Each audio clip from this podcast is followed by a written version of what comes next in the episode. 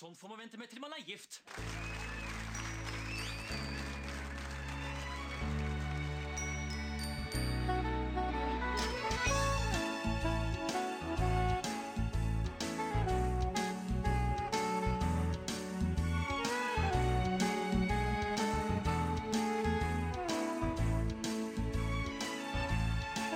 Hallo og velkommen til en episode av Norsk film filmklubb. Denne podcasten hvor vi gjenser norsk film med et kritisk, men kjærlig blikk. Mitt navn er Emil Ørsven. Jeg sitter her som alltid med min gode filmkamerat. Stefan Kaliski heter jeg. Ja, og, og fram til nå så har vi jo dekka ganske kjente, etablerte norske filmer som mange har et forhold til. Vi har tatt for oss eh, Max Manus, vi har sett Buddy, Lange, flate baller. Disse filmene har det til felles at de var store publikumssuksesser da de kom, og har på en måte også festa seg i den kollektive bevisstheten etter det, vil jeg si. Dette er filmer som mange har et forhold til. I dag går vi for en litt annen vri. Da dykker vi litt mer i, ned i materien. Jeg tenker at podkasten her også har en sånn viktig funksjon at vi ønsker jo ikke bare liksom, snakke om det som alle kjenner til. Vi skal også løfte ting frem fra glemselen og rette søkelyset på de delene av norsk mediehistorie som kanskje er litt glemt. Så i dag har vi sett Mot i brøstet, tusenårsfesten. Og Carl og Co. Ja. Tusenårsfesten. For det er faktisk ikke bare Mot i brøstet som er med her. Nei, Jeg kan jo, skal jeg ta en introduksjon? ja, hva, hva er dette her for noe? Tusenårsfesten? Ja, fordi eh, greia her er jo at eh, eh, Det er jo litt sånn Espen Askeladd, Tore Ryen, en eh, fyr som på en måte var ukjent for de fleste nordmenn, kom eh, hjem fra USA fordi at han hadde blitt bedt av TV 2 om å lage noe morsomt. Noe morsomt, og som skulle være billig. Og det ble jo til Mot i brøstet, denne situasjonskomedien som ble sendt. Det var over, over 100 episoder. Ja, 144. Gikk over åtte sesonger, leste jeg på Wikipedia. Ja, på TV 2 helt i starten, da TV 2 var en ny kanal. TV 2 ble jo oppretta i 92. Og var jo en del av den eh, oppmykninga til Willoch, hvor du på en måte fikk slutt på fjernsynsmonopolet til NRK. Det var da alt skar seg. Ja, det var da alt gikk i dass. Da da hele Medie-Norge ble kjørt rett ned i grøfta med den liberaliseringen der. Ah, grusomt. Er, men det kan jo kanskje takke Willoch for akkurat det der. Og luk lukkelovene, ikke minst, som han fikk til. Så det er altså Kåre Willoch vi kan takke for at tusenårsfesten eksisterer. Ah, tusen takk, eh, Kåre Willoch. Eh, og eh, det som er med tusenårsfesten, er jo at eh, eh, Mot brøstet var jo på en måte et sånt eh, Det var jo det var jo litt sånn Olsenbanden-aktig. At Tore Ryen nærmest pantsatte huset for å på en måte få råd til å spille inn episoder. Og han hadde vel De produserte vel fem dager i uka. De skulle produsere én episode per dag. Så det var jo ganske hektiske greier der. Og du Emil, vel kan kanskje gjette hva liksom, Tor Ryen forteller jo i en podkast med Jon Niklas Rønning hvor raskt han skrev en uh, Mot i brøstet-episode. Hva er rekorden til Tor Ryen? Uh, ut fra tusenårsfesten så kanskje en time? Vet du hvorfor det er det? Det, er det, som, det var det jeg trodde. Jeg var nesten nede på halva, eh, halv, en halvtime. Men det er seks timer. er Tore Seks Ryens timer, ja. Jeg tror til attpåtil det var en Carl Co-episode. Mm. Det som faktisk virker litt mer gjennomarbeida. Mm. Men uh, det er iallfall Carl Co. er jo på en måte en, er en fortsettelse av Mot i brøstet med litt andre karakterer. Arve Oppsal, Henry, som er den gamle mannen som bodde sammen med Carl. Han blir bytta ut. Og så er det Nils Sven Nordin, som har gjort Altså, storheter. også ute, ja. ja. Ja. Da kommer det inn nye stjerner. Vi kan, kanskje vi skal ta og kanskje vi skal introdusere liksom universet og, måte, og karakterene før vi setter i gang? Ja, jeg regner jo med at folk eh, kjenner til eh, Mot i brøstet og Carl Co., men det kan jo være verdt å, å, å bruke litt tid på å gå gjennom det. Altså, Mot i brøstet er jo en situasjonskomedie, en såkalt sitcom. Så er vel kanskje Norges egentlig sånn første sånn ordentlig vellykka sitcom, kan man si. Og det handler om et veldig rart kollektiv. Eh, hvor du har eh, Carl, eh, som også er hovedpersonen i Carl Co., spilt av Nils Fugt, som er en eh, finansfyr, en veldig sånn hissig finansmann. Eh, du har eh, Nils, som er spilt av Sven Nordin, som er vel mer håndverkertypen. Og de to bor da sammen med Henry, spilt av Arve Oppsal, som er egentlig en gammel dranker, kan man si. Og så følger man da dette kollektivet. Det er vel en slags bakgrunn at det er en dotcom-bølge som har sprukket, eller et eller annet sånt, som gjør at de må flytte sammen. For det er sånn der odd mix ha et kollektiv. Og så har man da Carl Co., som er en spin-off eh, fra Mot og brøst igjen, hvor, eh, som handler om Carl Reverud, altså Nils Fugt sin eh, karakter. Og her introduserer man, som du var inne på, en rekke nye karakterer, deriblant Ulf, spilt av Knut Lystad. Som er en eh, litt sånn byråkratisk, eh, grå, vimsete type, kan man si. og en håndverker som heter Smestad, eh, som blir spilt av Harald Eide Steen. Du, hva er det du driver og skriver på, du, Karl? Det er en leder, Smestad. Er det Norge? Norge? Ja, som leder. Vi har også Carl sin søster, som er spilt av Minken Fossheim, som heter Vigdis. Og Tusenårsfesten det er en crossover-episode hvor disse to universene møtes i anledning eh, årtusenskiftet, altså nyttårsaften 1999. Da skal vi over i år 2000. Ja, det, det er vel allerede liksom en stående vits fra start, dette her med at vaktmester Smestad står i eh, heisen, og Carl trykker på knappen, og så begynner det å ryke ut av heisen. Og Smestad driver og fikser et eller annet fordi at, uh, som vi vet, computerne de greier jo ikke overgangen fra 1999 til 2000, for det er for få tall. Det er bare tre tall. Ja, Smestad er bekymra for at uh, heisystemet kommer til å kollapse. Og dette er jo litt sånn topical, egentlig, for det var en ganske vanlig bekymring. Det husker jeg, husker jeg godt. Husker årtusenskiftet personlig. At man mente at datasystemene kom til å knele for de ikke ville forstå liksom, den numeriske overgangen fra 1999 til 2000. Ha-ha-ha! Mm, ja, det, er- det er liksom Det er dumt, det. Nei, altså, Så går vi over til en eh, ny scene i leiligheten til Carl, hvor uh, Ulf, altså Knut Lystad sin karakter, lurer på hva Carl skal på nyttårsaften. Han vil gjerne invitere ham hjem til Magda og seg. Jeg syns det er slående hvor kjip han Carl Reverud er mot Ulf i den scenen der. Ja, Det er nesten mobbing. Han vil åpenbart ikke til Ulf. Han på en måte legger jo ikke noe skjul på det heller.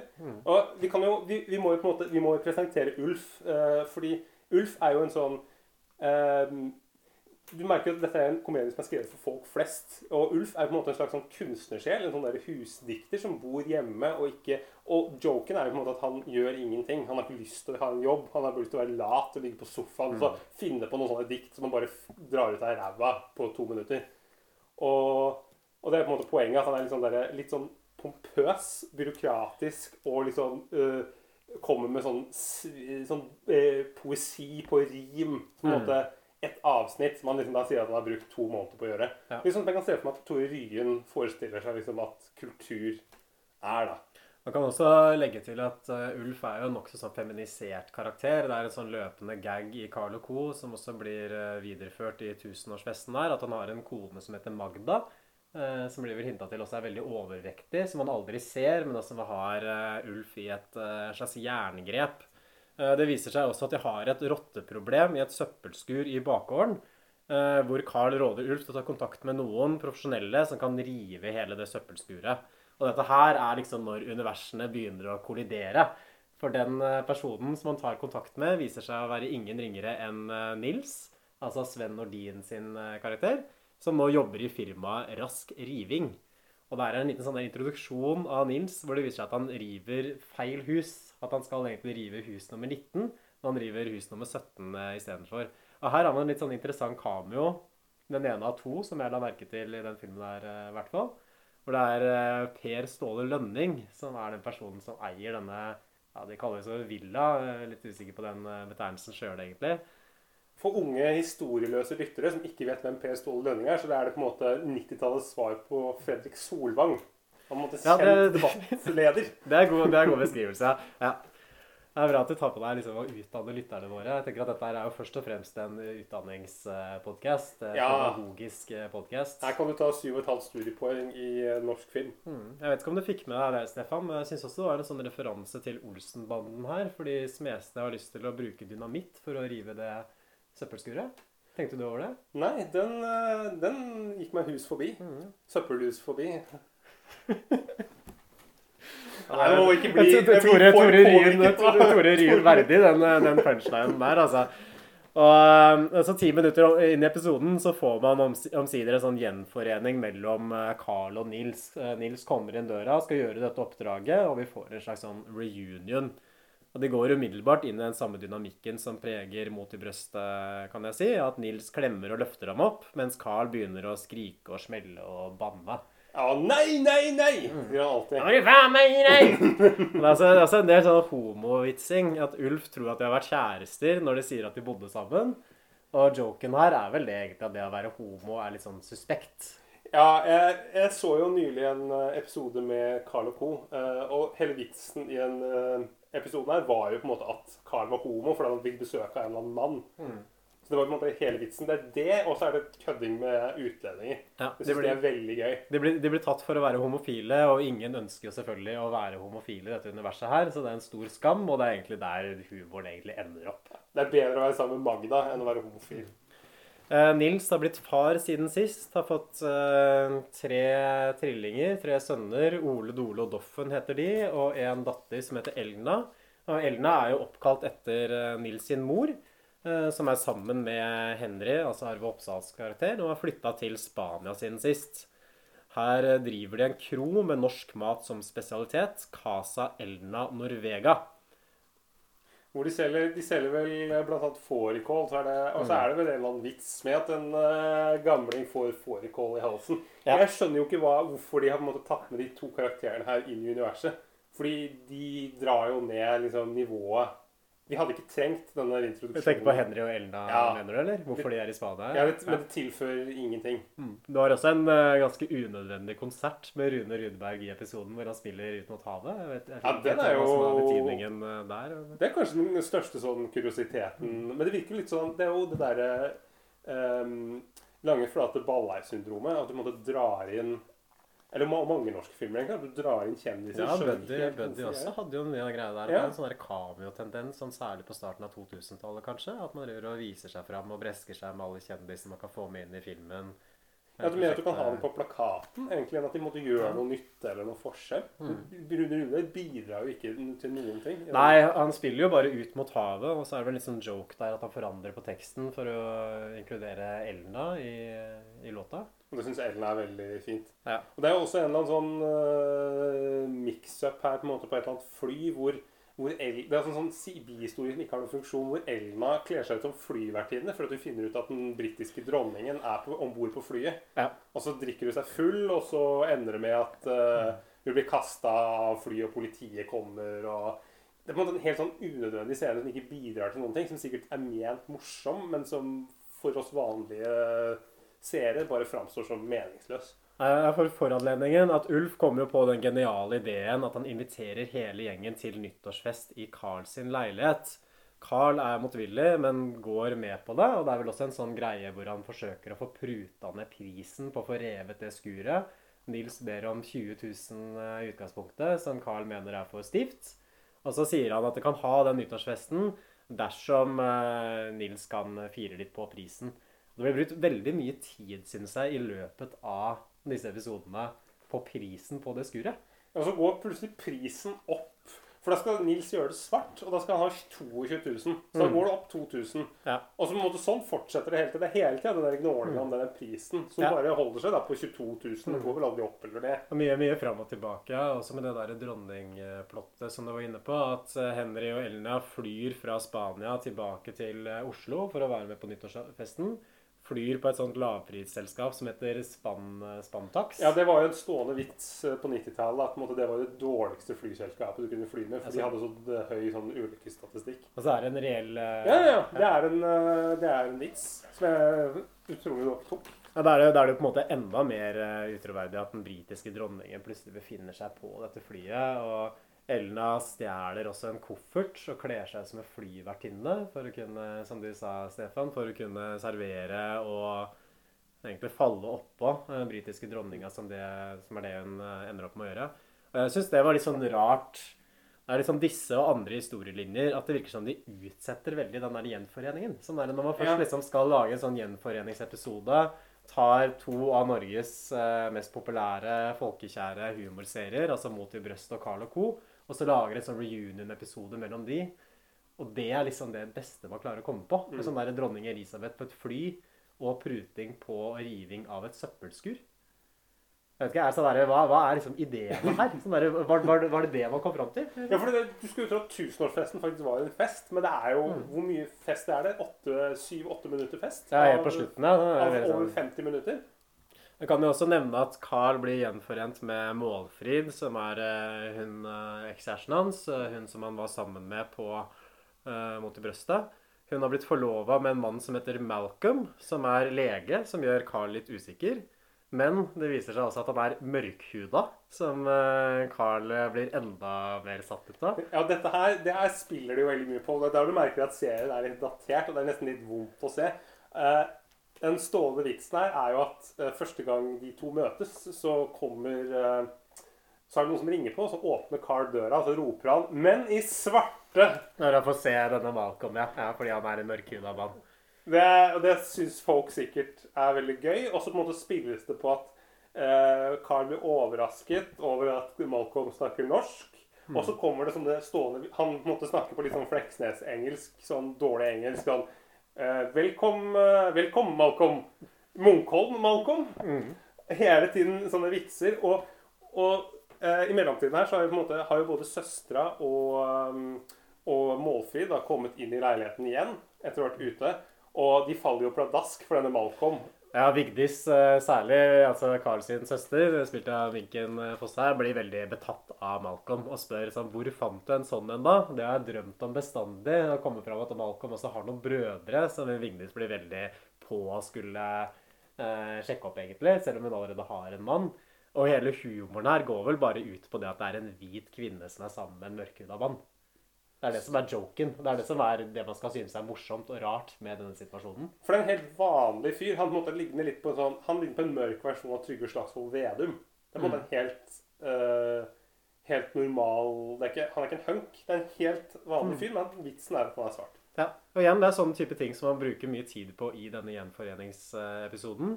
Som framstår som helt meningsløst. Jeg skjønner ikke vitsen. Nei.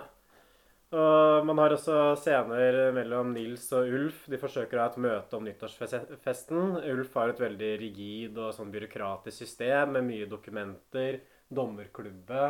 Peker kanskje litt fram mot han Narvestad-karakteren i borettslaget. Ja, litt den type, type karakter. Og Nils skjønner egentlig ingenting. Og Ulf vil bl.a. Liksom rasjonere ut hvor mye poteter folk skal spise. Hvor mange poteter spiser du? Hvor mange poteter spiser Smestad? Hvor mange poteter spiser Malcolm? Og det er en sånn eh, vits der med at de skal ikke ha hum, hummer, men de skal ha crabsticks som smaker hummer. Det er Ja. kanskje en ny greie liksom i 99. Jeg vet ikke. Men igjen så syns jeg det er merkelig, fordi man har denne gjenforeningen mellom Carl og Nils, som er på en måte de to hovedpersonene i Mot i brøstet, og Henry også, for så vidt. Men istedenfor å ha de eh, spille i scener sammen, og liksom utvikler deres relasjon, så må man i stedet få masse scener hvor Nils bare sitter rundt og snakker med Ulf og Smestad. Så hvorfor det? Hvorfor har man ikke flere scener hvor kanskje Nils og Carl møter hverandre? For det er vel det man er interessert i, egentlig, som seer, hvis man er interessert i å se dette her i, i det hele tatt. hvis du er en fan, har sett begge seriene Dessuten så er det jo den relasjonen mellom Nils og Carl er jo på en måte det morsomste. Jeg synes jo høy, Høydepunktet for meg i filmen er jo når de to møtes. Den der klemminga og det der eh, er jo gøy. Men uh, det skal jo sies at uh, min favorittkarakter i uh, Carl Co., som gjør at Carl Co. havner milelangt over mot i brøstet, er vaktmester Smestad. Mm. Så på en måte Harald Heide Steen, hvorfor ble han med på dette her? Og Det kan man jo egentlig si om veldig mange skuespillere her. fordi eh, Man har jo også Sven Nordin, og det har jeg hørt en sånn anekdote om også. Men Sven Nordin var jo egentlig en ganske lovende skuespiller. Eh, spilte på Nationaltheatret da han takka ja til den rollen som Nils på Mot i brøstet, som han fikk en del pepper for også. At eh, mange av skuespillerkollegaene mente at nå selger du på en måte ut. Nå Du går under det du egentlig skal holde på med. Du dummer deg sjøl ned. Eh, det, det, samme kan man jo liksom si også med mange av de andre karakterene her. For du har jo Minken Fossheim, f.eks. En veldig flott skuespiller, syns jeg. Eh, Grete Kausland, Hilde Lyron de er ikke med i denne episoden her, men de spiller i eh, henholdsvis Carl Co. og Møte brøstet. Og Arve Oppsal også, for så vidt. At det blir en sånn der Hotell Cæsar-effekt. at du får liksom alle disse, Fordi Norge er så lite land, så du får alle disse kjente skuespillerne som egentlig er for gode til å spille i en så dårlig serie, men som likevel gjør det fordi det er på en måte en av de eneste måtene Ja. man kan overleve på da, som skuespiller. Og motivasjonen også er litt rar, fordi at i, i hvert fall for uh, Mot i brøstet så var det ikke så veldig mye penger i begyn- i begynnelsen. De fikk fryktelig dårlig betalt. Mm. er jo i hvert fall anekdoten at på en måte, de første sesongene så tjente de nesten ikke penger på det. Ja, vel Sven Nordin som var lur, da. Så liksom at dette kunne bli noe stort. ikke sant? Ja. Dette kunne man bli en fast inntekt for han i mange mange år framover. Og Arve Oppsal hadde kanskje gått litt ut på dato, liksom begynt å bli gammel, og på en måte tenkte at ja, men det er en grei og fast inntekt. Men, men det, var det, Sven Nordin slutta jo i Mot i brøstet fordi han skulle tilbake til teater igjen. Så han ga seg jo kanskje i tide òg. I dag så huskes han jo på en måte Han huskes jo for mot i brøstet, men det er kanskje ikke det, det Han har gjort så mye annet. Han har ikke blitt støtt Ja, som fast jeg, jeg vet ikke helt med det. Han har vel ikke gjort så veldig mye film og TV. Han spiller vel i den Valkyrien, har ikke Mm. heter? Valkyrien og han eh, Elling. Mm.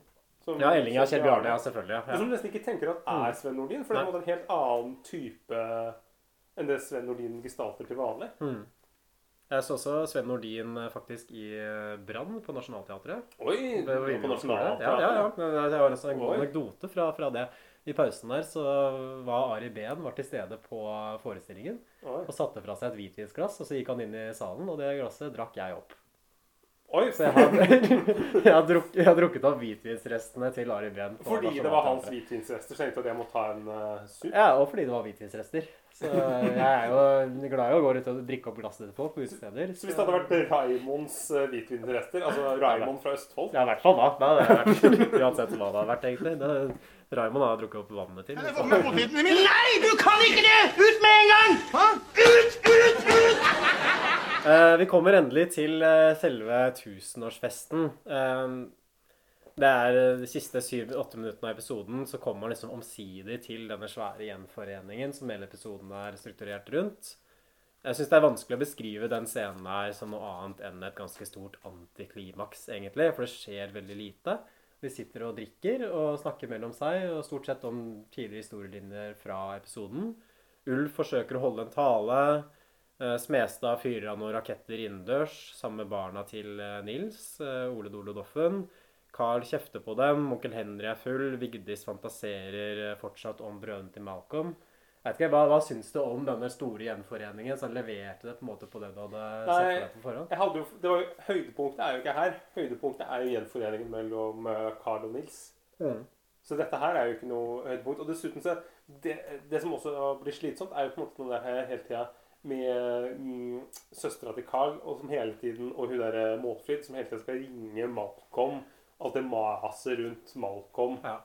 Og så igjen så drar de opp det gnålet med at det er for mange poteter igjen. Det er fire poteter igjen, og har, har du spist opp alle potetene dine, Carl? Og ja, Carl har spist alle potetene. Hvordan er det fire, hvorfor er det fire poteter igjen? Ja. Det er påfallende hvor lavt måte, ambisjonsnivået er for dette her. Altså, det må jeg si. At man skulle kunne kommet opp med en litt mer spenstig historielinje og litt mer spennende intriger. Og nå kanskje ulike locations. Mesteparten av episoden så er de bare inne i den leiligheten til Carl. Er Carl er veldig fraværende også i hele episoden, syns jeg. Er nesten ikke med, selv om det på en måte er jo hans program. da, Hans og, hans og Nils. Det heter jo Carl og co. Mm. Men det er veldig mye cool og co og lite Carl. Ja. Men jeg må jo si at det, det, det diktet til Ulf, det er ganske funny. Da tar vi en kopp kaffe, da, tenkte jeg. Nei, ikke noe kaffe nå! Jeg må gjøre noe her! Du skal ikke se på TV nå igjen, vel? For da blir du enda dummere, vet du. Det er jo igjen Frp-erens eh, liksom, take på hvordan kunstnere er. Det er jo sånn Det, det føles som sånn folk flest mener at en kunstner er. En lat fyr som, måtte, eh, som har noen sånne vidløftige tanker på en måte på rim. Ja, han er pompøs, han er ineffektiv, han er byråkratisk, han er feminisert. Og det er jo også en slags sånn dynamikk også mellom Carl og Nils, på en måte. Og så skal ikke jeg komme liksom trekkende med den klasseanalysen inn i Å ja, her- eneste her er det klasse her Men selv jeg gjør det. Jo, ja, det er jo på en måte det. ikke sant? Nils er jo en arbeider, og så Carl er jo en finansmann, ikke sant? Så det er jo den dynamikken der Men er eh, jeg, jeg tenker jo at Carl egentlig er en fyr som på en måte Som har, har lav utdanning, som på en måte bare har jobbet seg opp. Som på en måte, Han har ikke noe, han har ikke noe, egentlig noe kompetanse, han har bare jobba seg opp til å bli en litt sånn der altmulig finanstype, sånn konsulent. Som på en måte bare gjør litt sånn alt mulig. Som egentlig ikke har noe Altså måtte, noen større forutsetninger enn Nils. for Jo, å- jo nei, ja, det, men det kan du si, men det er jo samtidig sånn Alle vitsene i denne episoden, og også mot i brøstet, i hvert fall eh, godt over halvparten av dem, er jo at Nils gjør et eller annet som Carl ikke liker. At Nils slenger beina på bordet, eller Nils bråker med Ja. potetgullposen, eller Nils drikker cola, og så kjefter og smeller Carl og blir hissig og banner. For du tenker at Carl er fordi han måte har gode manerer hjemmefra? Ja, jeg tror det. ja. Mm. Ja. Han kommer fra et møblert hjem, mens. Nils kommer litt fra sånn barnevernsinstitusjon. Carl og Co. på starten av, nei, Carl, eh, på starten av episoden sitter og leser i eh, New York Times, er det vel? Sportsseksjonen i New York Times. Det ligger eh, nummer av Kapital på skrivebordet. Oh, det er veldig uklart hva han egentlig driver med, uh, syns jeg. Hva som egentlig er yrket hans. Men det er vel det som er litt sånn Jeg, jeg leste det at Tore Ryen på en måte, Greia hans var jo på en måte å skildre litt sånn som du er inne på, en, på en måte en, sånn som nordmenn på en måte hadde blitt liksom, på starten av 90-tallet, med liksom eh, etter, eh, et, liksom, etter ne økonomisk nedtur med sånne eh, masse sånne jippier, sånne jappetyper som på en måte gikk konk og, og hadde liksom drevet med alt mulig sånne rare finansgreier. Du skjønte egentlig ikke hva de holdt på med. Og så skildrer du på en måte den, en sånn ny type yrkesgruppe da, som hadde vokst fram liksom, takket være oljenasjonen og Nei, Finanskrisa er vel egentlig bakgrunnen for hele Mot i brøstet. For det er jo grunnen til at eh, Carl flytter inn med Nils i utgangspunktet. er Ja, at fordi- Carl har brent seg på dotcom-bølga og gått konkurs. Og så må han flytte sammen med, med disse to andre mennene og bo i det rare kollektivet. For han har huslån, og kona har gått fra ham. og Ja. Det er den vanlige historien. Vi kan jo si, eh, vi har, jo Jeg har jo ikke sagt noe om hvordan dette slutter, men eh, avslutningen her er jo at eh, Som du var inne på, så, på måte, så driver jo denne Smestad han driver jo og fyrer opp raketter. Til slutt så kommer han med en kjemperakett. Altså sikkert, uh, sikkert fem meter lang, som han tar ned gjennom, gjennom stua. Og uh, enden på viset her blir at vi hører et kjempesmell. Og så ringer det på døra. Alle lurer på hva som har skjedd. Og der står Smestad vet du, på en måte, med håret til liksom alle kanter og brun og sotet i fjeset. For da har han sprengt søppelskuret. Og da sier Carl 'tusen takk'. Og Smestad sier 20 000 takk. Det blir 20 000, ja. ja. Og da er på en måte ringen litt sånn slutta av, for det er en sånn snedig sirkelkomposisjon her. For episoden starter jo med at Smestad blir sprengt inn i heisen, og så slutter det med at han blir sprengt ute på gårdsplassen eh, med denne raketten og det søppelskuret. Og det er jo det, Det- som er, det er smart. fantastisk. Ja, Sirkelkomposisjoner, det det er er gjennomtenkt. Jeg skjønner, jeg skjønner godt eh, eh, Hele greia er jo skrevet av Tore Ryen, Leroy Carter og Pian Diaz. Så jeg skjønner jo godt at man trenger tre forfattere for å Det er jo to andre veldig kjente navn sammen med Tore Lien. Hva da? Eh, De har kjøpt eh, hver sin sånn platinablond sånn hårfargingsmiddel. Skal de to der bli platinablonde? Nei da, fru Fransen skal bruke det til hamsteren sin. Og fru Smith i musa si? Nei, altså jeg vil jo si at hovedinntrykket fra dette her er eh, Jeg, jeg, var, jeg var ikke klar over at dette her eksisterte før Stefan tipsa meg om det. Dette er på en måte din ekspertise er å det kunne grave frem den type ting. Eh, men jeg må jo si at det er jo en veldig sånn tapt mulighet her. Sånn, hvis man skal ha en reunion-episode i utgangspunktet eh, mellom noen av Norges tross alt eh, mest folkekjære humorkarakterer, og så bruker man så mye tid på megling om et busskur, vitser om en mørkhuda mann, eh, dronningen av England på et fly. Altså, eh, det, det, er liksom, det virker for meg som at de har kommet opp med den ideen om å ha en sånn reunion-episode, og så har de ikke vært sikre på hva de skal fylle det med, og det gjør hele tiden at de tar sånne omveier før de på en måte kommer fram til den faktiske gjenforeningen, som bare blir en sånn gedigen eh, skuffelse, egentlig, på slutten av, på slutten av filmen. da. Ja, fordi Det det framstår som, er jo på en måte at manusforfatterne allerede er lei Mot i brøstet. At de var, at de var ferdig med Mot i brøstet, så var de drittlei. Drittlei av den dynamikken mellom um, eh, Nils og Carl. Og så når Nils og Carl da først skal møtes etter flere år i den reunion-episoden, så, sånn, så gidder de ikke å skrive noe mer om dem sammen. Da holder de seg til de der, Det er jo fordi De bruker jo også mest de der Carl og Co-karakterene. Ulf, Smestad. Eh, det kan jo Det er én komisk ting her. Det er på en måte i den der, i det der liksom eh, festen, når festkomiteen sitter og planlegger, så drikker uh, Ulf Han drikker uh, kaffe. Han der Nils drikker cola. Men Smestad han drikker Ringnes. Drikker øl, ja. ja. Mye fyll. Ja, og når, når Carl kommer inn etter liksom en time, så er, står det åtte flasker med Ringnes Pils på bordet til uh, Heide Steen. Og for oss som liksom kjenner filmhistorien godt, så vet vi at Harald Heide Steen var jo en notorisk dranker. Han var jo en drukkenbolt. Så det, det virker jo som de spiller litt på den der alkoholiserte siden. Det er jo måte egentlig bare Harald Heide Steen som spiller seg selv. Nei, men du har jo også Henry på flyet. Der også sitter han med mer sånn svært brett med masse sånn småflasker. Eh, Det syns jeg egentlig var et sånn funny øyeblikk i den scenen også. Fordi Ulf driver og slår hele tiden i bordet med den uh, dommerklubba.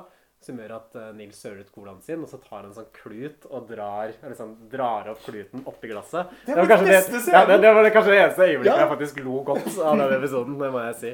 Men det er Sven Nordin er jo stjerna her. Mm. og ja, jeg, Ja, Sven Nordin er jo alltid god. ja. Ja. Mm. Han, når han er god, da er han god. Som jeg pleier å si. Ja. Men eh, det jeg lurer liksom på, er eh, Altså Hvis man skal liksom spørre seg om noe her, så kan man jo si sånn Vet ikke med deg, men jeg har prøvd å se på noen Mot i brøstet-episoder sånn nå i siste. Jeg, jeg må jo si at det er jo ekstremt treigt, og jeg syns det også sitter veldig langt mellom punchlinene. At, eh, som jeg sa i stad, at det virker som om flesteparten av punchlinene er bare Carl som hisser seg opp, og så sier sånn her 'Nå får du faen meg gi deg her! Å, helvete, hva er det som foregår her, da?' Og det er på en måte hele joken. Det er ikke noen sånn humoristiske poenger. Det er bare han som blir sint. Og Nils som bare 'Sorry, Carl. Sorry, Carl. Jeg prøver da bare å spise.' Og så, ja. Det er på en måte ikke noen humoristiske poenger. Og det er, jeg synes det er, en, det er en sånn der veldig sånn negativ og mørk og aggressiv tone i Mot i brøstet generelt. At det er jo kjefting og smelling. Men For faderen, Vigdis, jeg, jeg har betalt 9000 kroner for alt dette her. Jeg må jo ha noen kroner inn òg! Og dere to, dere kan ikke bare sitte der og fise i sofaen min! Og drikke opp all konjakken min. Dere må jo kjøpe noe! At det er så mye som bare handler om at Carl er sint, og at han skriker og banner. Så ja, hva er det med dette her som folk syns var så utrolig morsomt? At det liksom fikk den statusen som det gjorde, da. Eh, Jeg har jo alltid ment at eh, Carl og Co. er mye sterkere. At det, en måte, eh, det, er ikke, det er ikke det at det er noe bra, men det er tross alt litt mer punchlines. og på en måte litt mer sånn, virker litt mer gjennomarbeida. Det er litt sånn Det er noen sånne eh, forsøk på vitser og sånne ting. Men som du sier, Mot i brøstet er jo hvorfor dette her traff. Det forstår jeg ikke. Det er, det der, det er jo bare den karakterdynamikken mellom de to. Og, hvor, og jeg vet ikke helt hvorfor er jo Oppsal med heller. Jeg syns ikke han bidrar med noen ting. Nei, han er litt sånn vanskelig å plassere inn imot Mot brøstuniverset. Fordi Carl og Nils er jo veldig tydelige som karakterer. ikke sant? For da er Nils som eh, på en måte representerer det folkelige. eh, liksom Den brede norske befolkningen. Og så det på en måte Carl som representerer det snobbete elementet. ikke sant? Eh, og, og de som på en måte har blitt nyrike. Så det er på en måte folkesjela versus oljeformuen og versus det velstående Norge som på en måte det er på spill da, mellom disse to karakterene. Og veldig mye av serien drives jo også fram av konflikten mellom de to, og liksom den kulturelle konflikten som hele tiden foregår. Hvordan eh, Nils leser Donald, mens eh, Carl leser eh, avisa. Mens eh, Arve Oppsal sin karakter han blir litt sånn cypher, litt sånn mystisk innslag i dette universet. Sånn der, Hva er det han tjener til, egentlig? Nei, eh, han driver jo bare og vaser i bakgrunnen. Det kan jo godt være at han er mer med i begynnelsen. Har ikke jeg sett liksom, Nå er det mange år siden jeg så det her sist. Men eh, han Det virker som bare en litt for gammel skuespiller som på en måte egentlig bare burde tatt og gått av med pensjon. Han er jo på en måte, en, han er på en måte et skuespilleriets svar på liksom Kåre Willoch eller eh, William Nygaard. Det er på en måte sånne menn som de burde slutta mens leken var god. Men så driver de bare og surrer rundt og gjør ting de ikke kan. Eh, altså med, med nyttårsfesten, fordi vi så vel begge den TV-versjonen, eh, som er to episoder på 23 minutter hver, så det er 47 minutter sammen. Men det er også en 80 minutter lang spillefilmversjon. Men det lurer jeg veldig på. sånn der, Hva er det Hva er de liksom resterende 33 minuttene da? Er det er det kan, jeg syns det føltes ekstremt tynt. Bare de to dobbeltepisodene burde egentlig blitt komprimert ned til én.